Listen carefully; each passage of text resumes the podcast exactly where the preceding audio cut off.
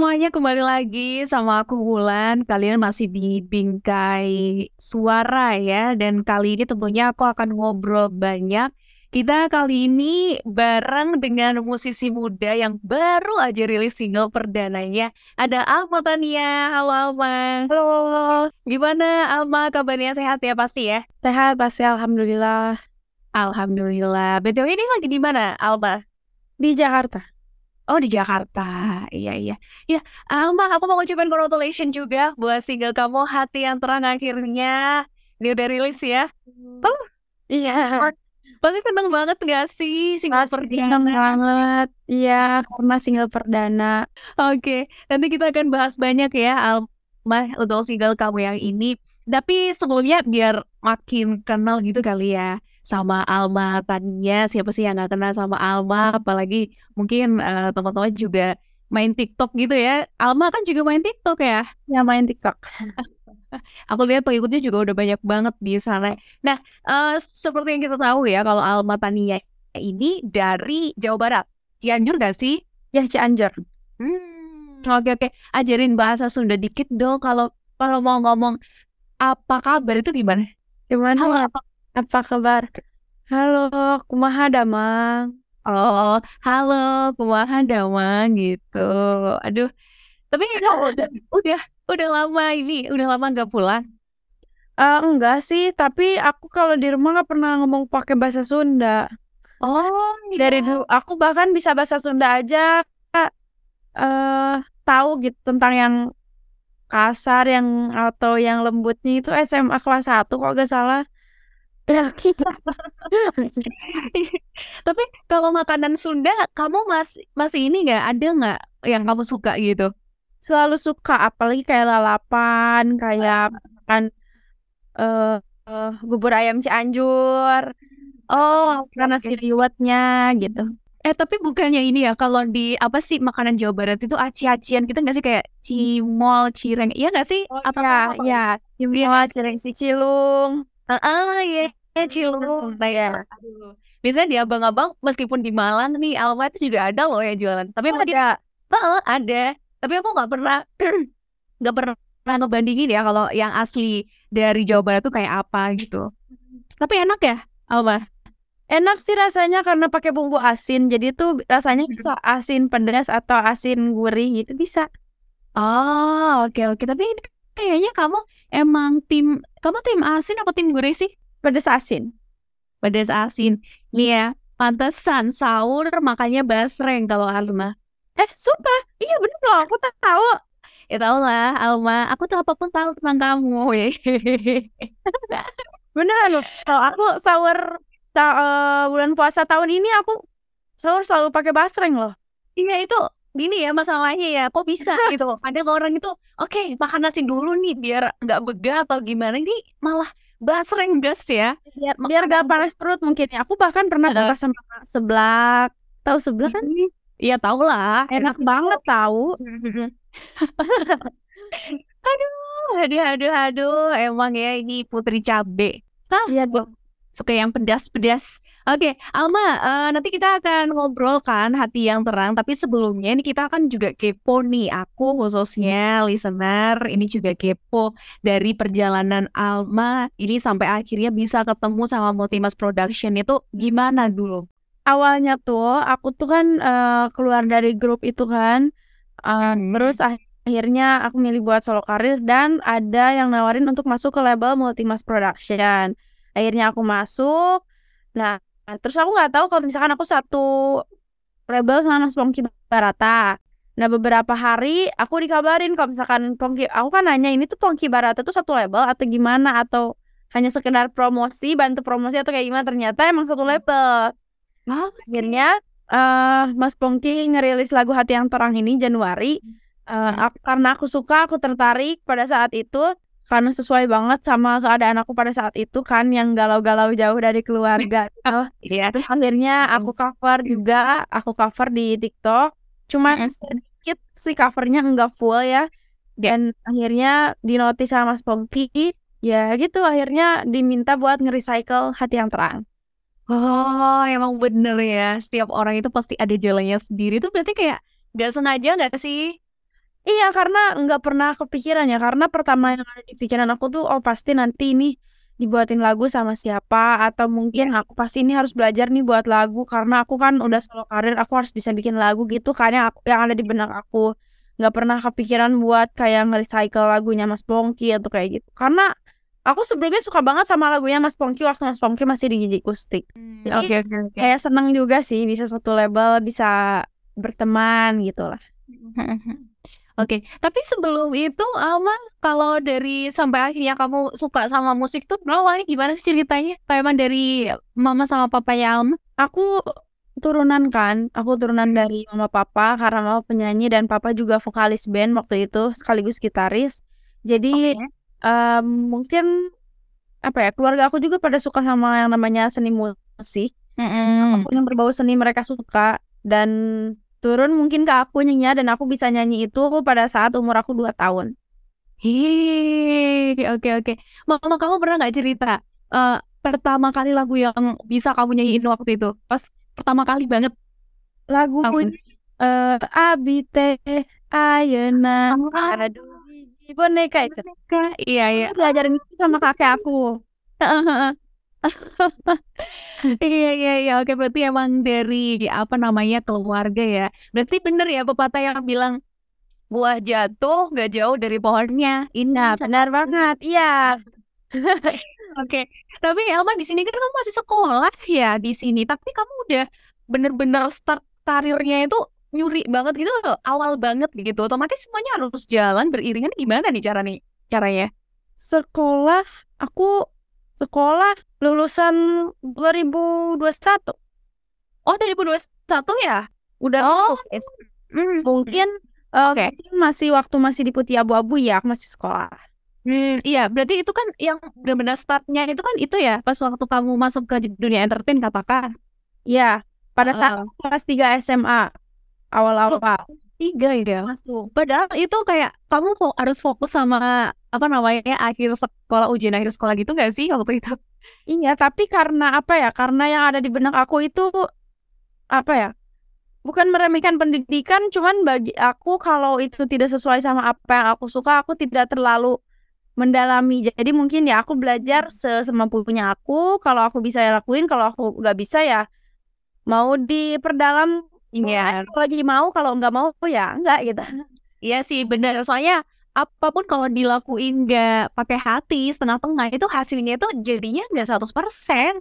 Iya, jadi aku Gitu. apa ya, karena dari dulu juga kalaupun ada lomba-lomba di sekolah, kalaupun aku harus dispensasi, it's okay nggak apa-apa, aku harus ngerjain tugas banyak ya nggak apa-apa, karena aku melakukan apa yang aku suka gitu. Mmm, oke dan musik ini adalah dunia yang kamu suka, Alma, ya? Iya. Nah ini kalau apa, dari kamu sendiri kayaknya ya, kamu itu deket banget ya sama orang tua dan itu adik kakak kamu ya yang cewek-cewek semua nggak sih keluarga Iya, kamu? aku bersaudara 3 bersaudara cewek semua. Aduh, papa paling ganteng nih kalau di rumah. Mhm, jadi kita kamarnya nggak mau dipisah, jadi satu kamar Oh, barengan. ih seru sekali, pasti rame ya di rumah ya? Kamu kangen nggak sih? Kangen sih, tapi aku lebaran kemarin pulang, seminggu aku liburan di sana. Tapi akhirnya balik lagi karena banyak kerjaan. Mungkin minggu depan aku pulang. Kalau ada waktu Mmm. kosong aja sih mungkin ya. Iya ya, emang kalau mau apa, mengajar mimpi itu pasti ada yang harus dikorbanin gitu ya? Yah, bener banget, mau itu nggak boleh pacaran, harus diputusin dulu ya oke Waduh. putusin, atau mungkin banyak loh yang kayak gitu Iya kan. sih, bener bener bener bener, tap emang harus ada yang dikorbankan gitu untuk menghasilkan, eee, Heeh. sesuatu yang hebat gitu. Termasuk ini kan sebenarnya Alma itu masih di dalam perjalanannya, itu tuh udah kelihatan gitu loh. Apalagi untuk nantinya gitu, harapannya ya, amin semoga nanti usaha-usahanya Alma itu dilancarin.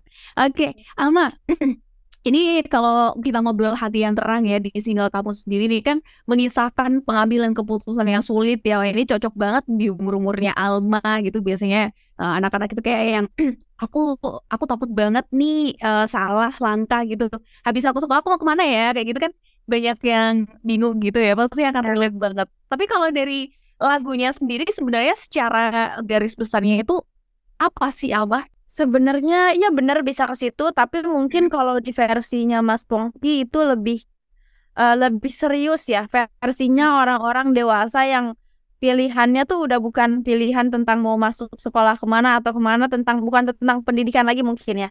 Cuman Hmm. kalau disampaikannya oleh aku itu jadinya mungkin nyampainya uh, lebih ke apa pun itu. Jadi apa pun itu pilihan. Jadi kita cuma mau mengingatkan sadar gak sih bahwa hidup tuh segalanya tuh pilihan, makan milih, baju milih, jodoh milih juga, karir segala macamnya tuh milih sebenarnya gitu.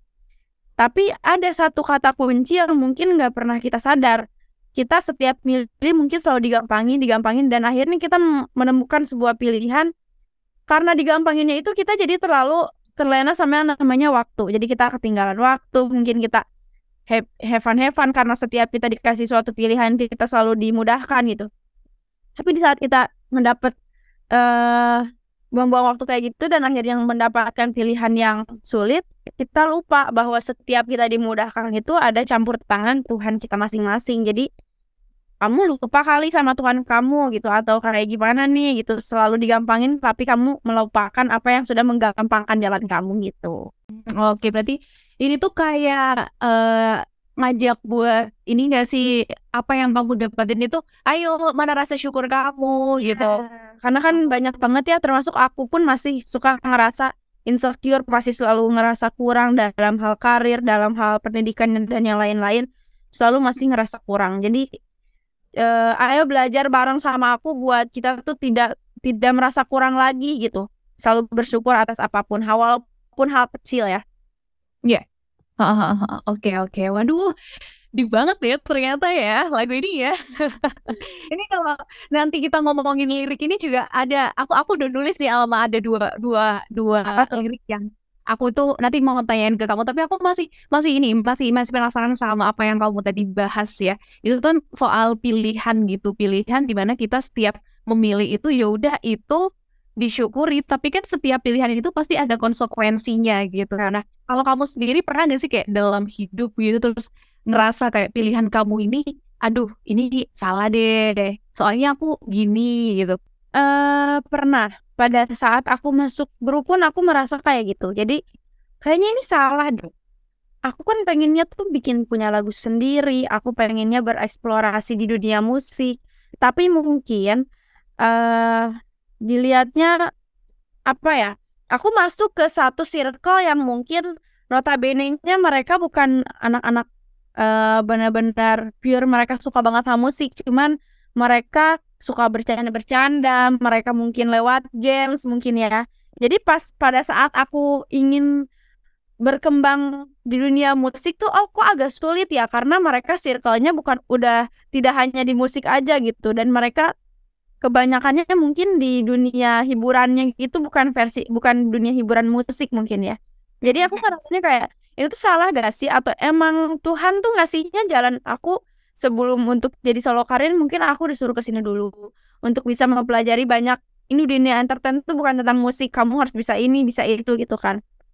Kayak waktu masuk uh, ditawarin untuk bisa main series misalkan yang di Hari Putih Abu-Abu itu aku mungkin ditunjukin lagi ini loh kamu tuh dunia entertain tuh ada seni musik ada seni film juga kayak gitu. Jadi mungkin aku juga berpikir seperti itu pada saat aku bersama mereka. Cuman uh, pada akhirnya aku memutuskan bahwa uh, balik lagi kita di kita gak boleh terlalu banyak mikir juga dan selalu libatkan Tuhan. Kenapa? Biar setiap setiap kita apa ya dalam posisi kepepet itu karena kita mencampur tangani Tuhan jadi uh, walaupun kepepet kita tuh selalu dikasih jalan yang terbaik gitu. Misalkan aku berpikir kayak udahlah uh, aku tuh nggak cocok di sini. Kenapa sih? Banyak keinginan aku yang bakal lama tercapainya dan mungkin tidak akan tercapai kalau bebarengan karena banyak kepala untuk jadi satu. Itu susah gitu apalagi dua aja udah susah apalagi banyakan kan. Oke. Okay. berpikir untuk ya udah aku solo karir.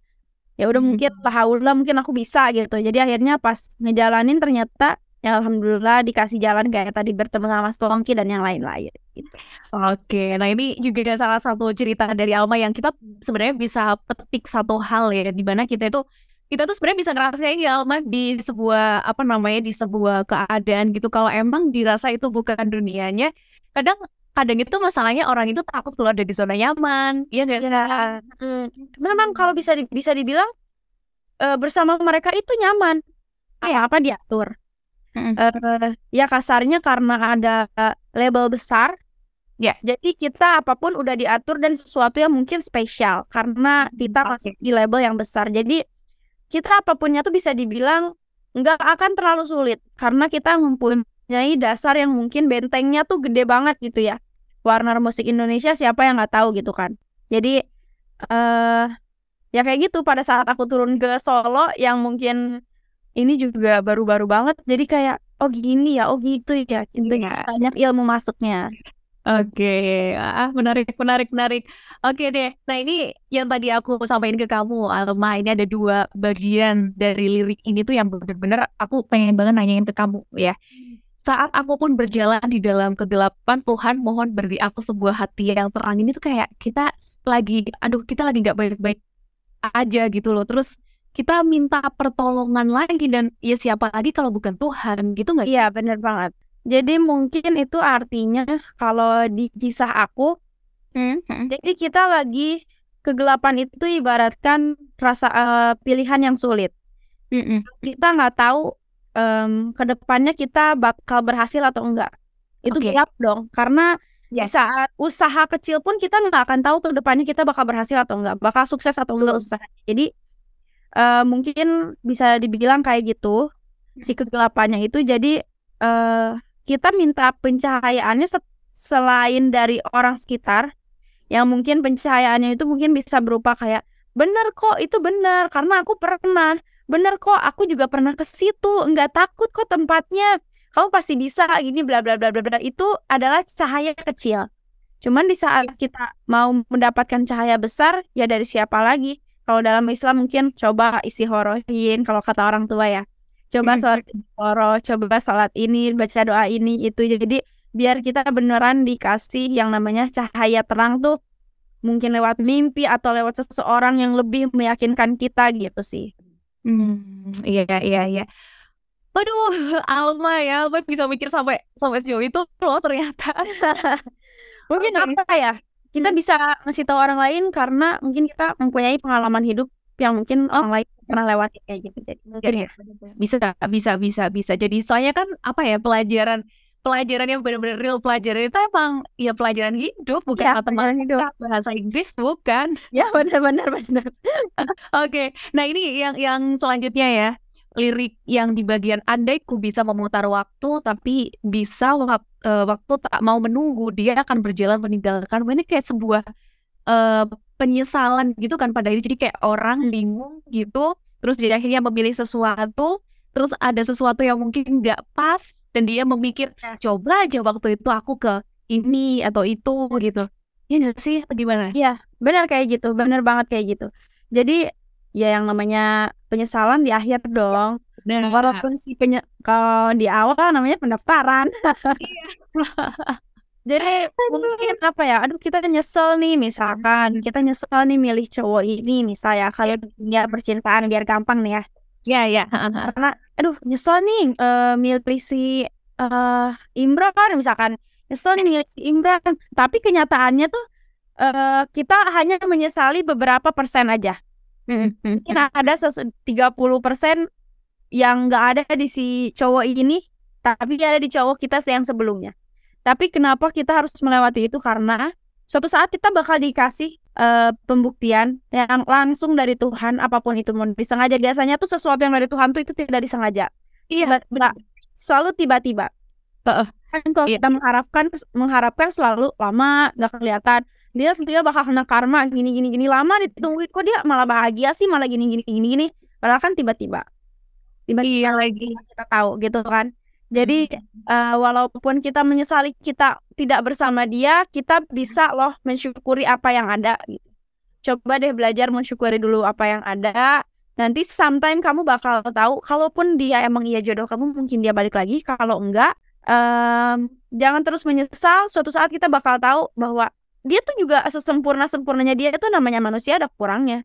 Gitu. Benar, setuju. Kita Aduh, nungguin aja. Kalau nungguin karma, nungguin aja. rasanya tuh kayak aku tuh dikasih tahu gitu loh ya. Oma thank you ya udah ngasih tahu aku. Aku udah sadar atau akan di kelas. Makasih. Oke, okay.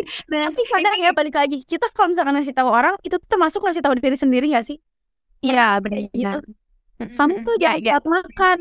Aku pernah nih ya telat makan gini gini gini gini. Padahal kita sendiri masih suka telat makan. Iya. Jadi berbalik. oke oke, aduh ternyata seru nih Alma nih kalau diajak ngobrol. Oke, kita ke MV deh sekarang. Oke. Di MV itu juga di sana ada uh, Mas Aming ya? Iya, ada kami. Kami. Oke. Nah, ini sampai akhirnya tapi kalau dari MV-nya sendiri ini gimana idenya siapa sampai akhirnya Kak Aming ini dipilih uh, buat ngisi video klipnya ini Al mungkin kalau dari visual itu nah. aku request by request ke Bapak Sutradara Pak Tono pengennya kayak gini.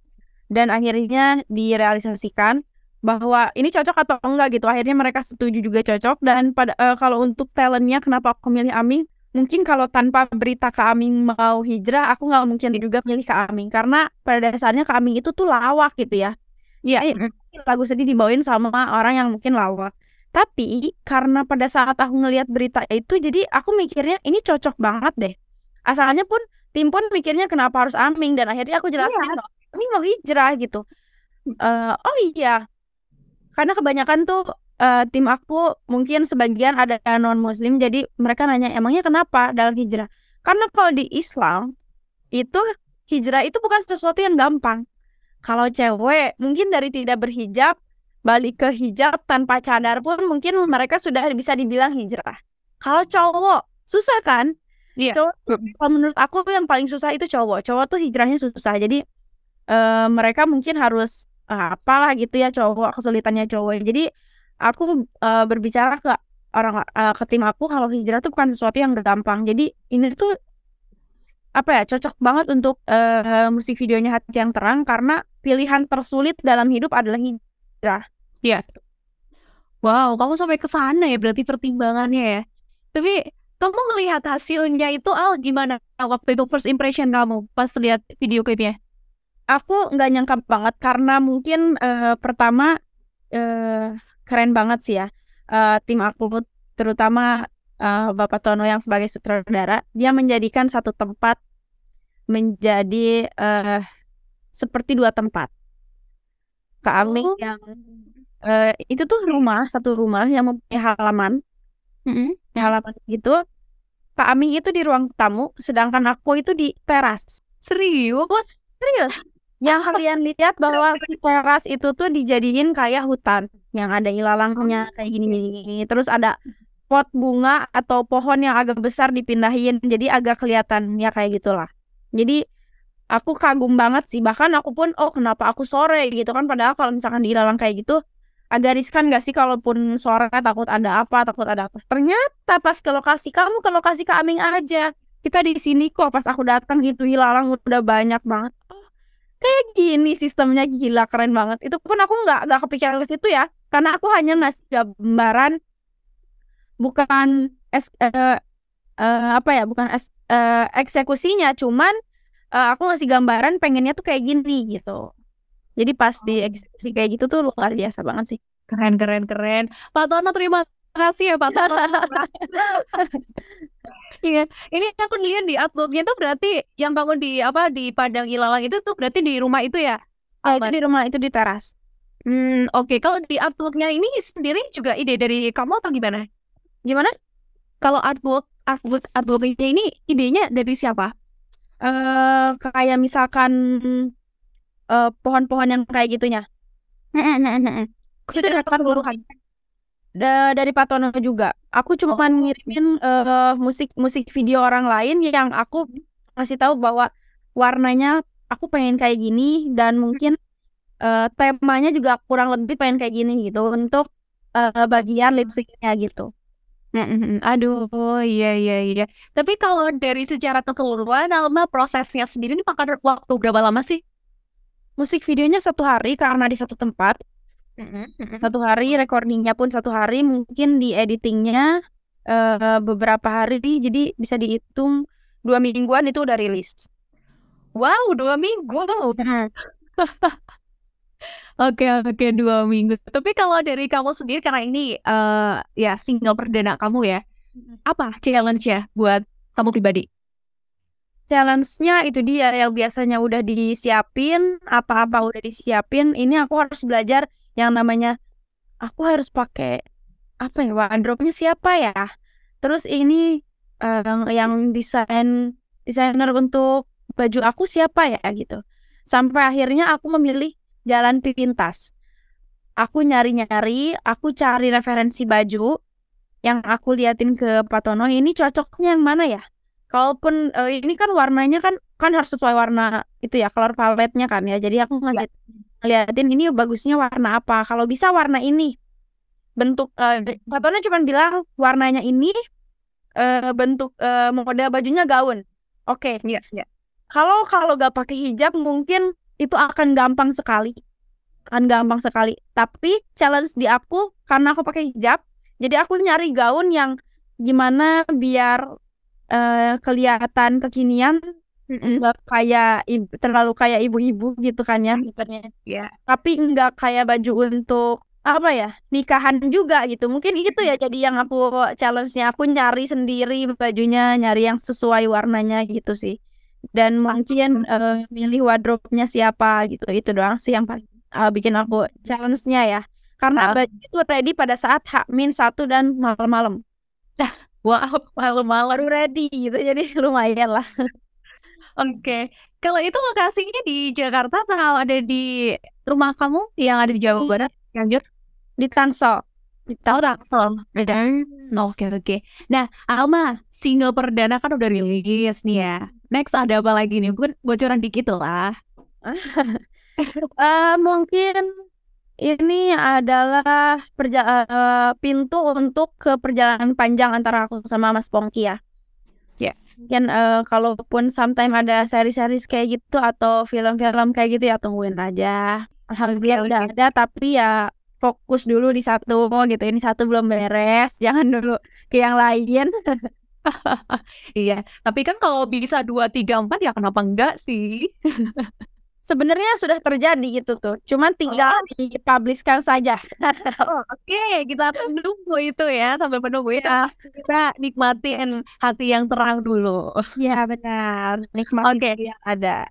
Ini kalau lagunya sendiri bisa didengarin di mana aja, Alma termasuk musik videonya? Musik videonya udah ada di channel YouTube-nya Mas Pongki Barata Songs dan lagunya udah bisa kalian dengerin di semua digital streaming platform dan udah bisa juga soundnya udah bisa dipakai di TikTok, di Instagram kalian udah bisa dan kalaupun kalian mau ngetek aku boleh pasti banget aku repost. Oke, okay. oke, okay, oke, okay, oke. Okay. Nah, Alma, thank you ya. Mungkin boleh gak sih kalau misalnya kita minta kamu nyanyi sedikit aja gitu? Boleh, boleh, boleh. Boleh ya? Oke, okay, please welcome. Kita dengarkan bareng-bareng suara dari Alma Tania. Hati yang terang, silakan. Saat aku harus bisa untuk tentukan pilihan Tuhan tolong pimpin aku dengan hati yang terang Saat aku pun berjalan di dalam kegelapan Tuhan beri aku hati yang terang. Oke oke oke oke nah itu penampilan sekilasnya dari Alma buat teman-teman buat listener yang pengen dengerin langsung di platform music semuanya udah ada ya. Oke Alma sukses terus ya kita pasti menunggu ya katanya keren dari Alma karena kita udah udah apa namanya udah ngerti kan di single yang ini aja udah kayak gini gitu loh. Pasti hmm. nanti ke depannya kita tunggu juga Alma di series juga ya kan? Bisik-bisik aja oke. Sukses. Alma thank you thank you thank you. Sampai juga semuanya. Thank you juga Pingkai Karya. Thank you Kak Ulan. Oke, okay, dan thank you juga buat listener yang udah dengerin. Sampai jumpa di lain waktu. Bye semuanya.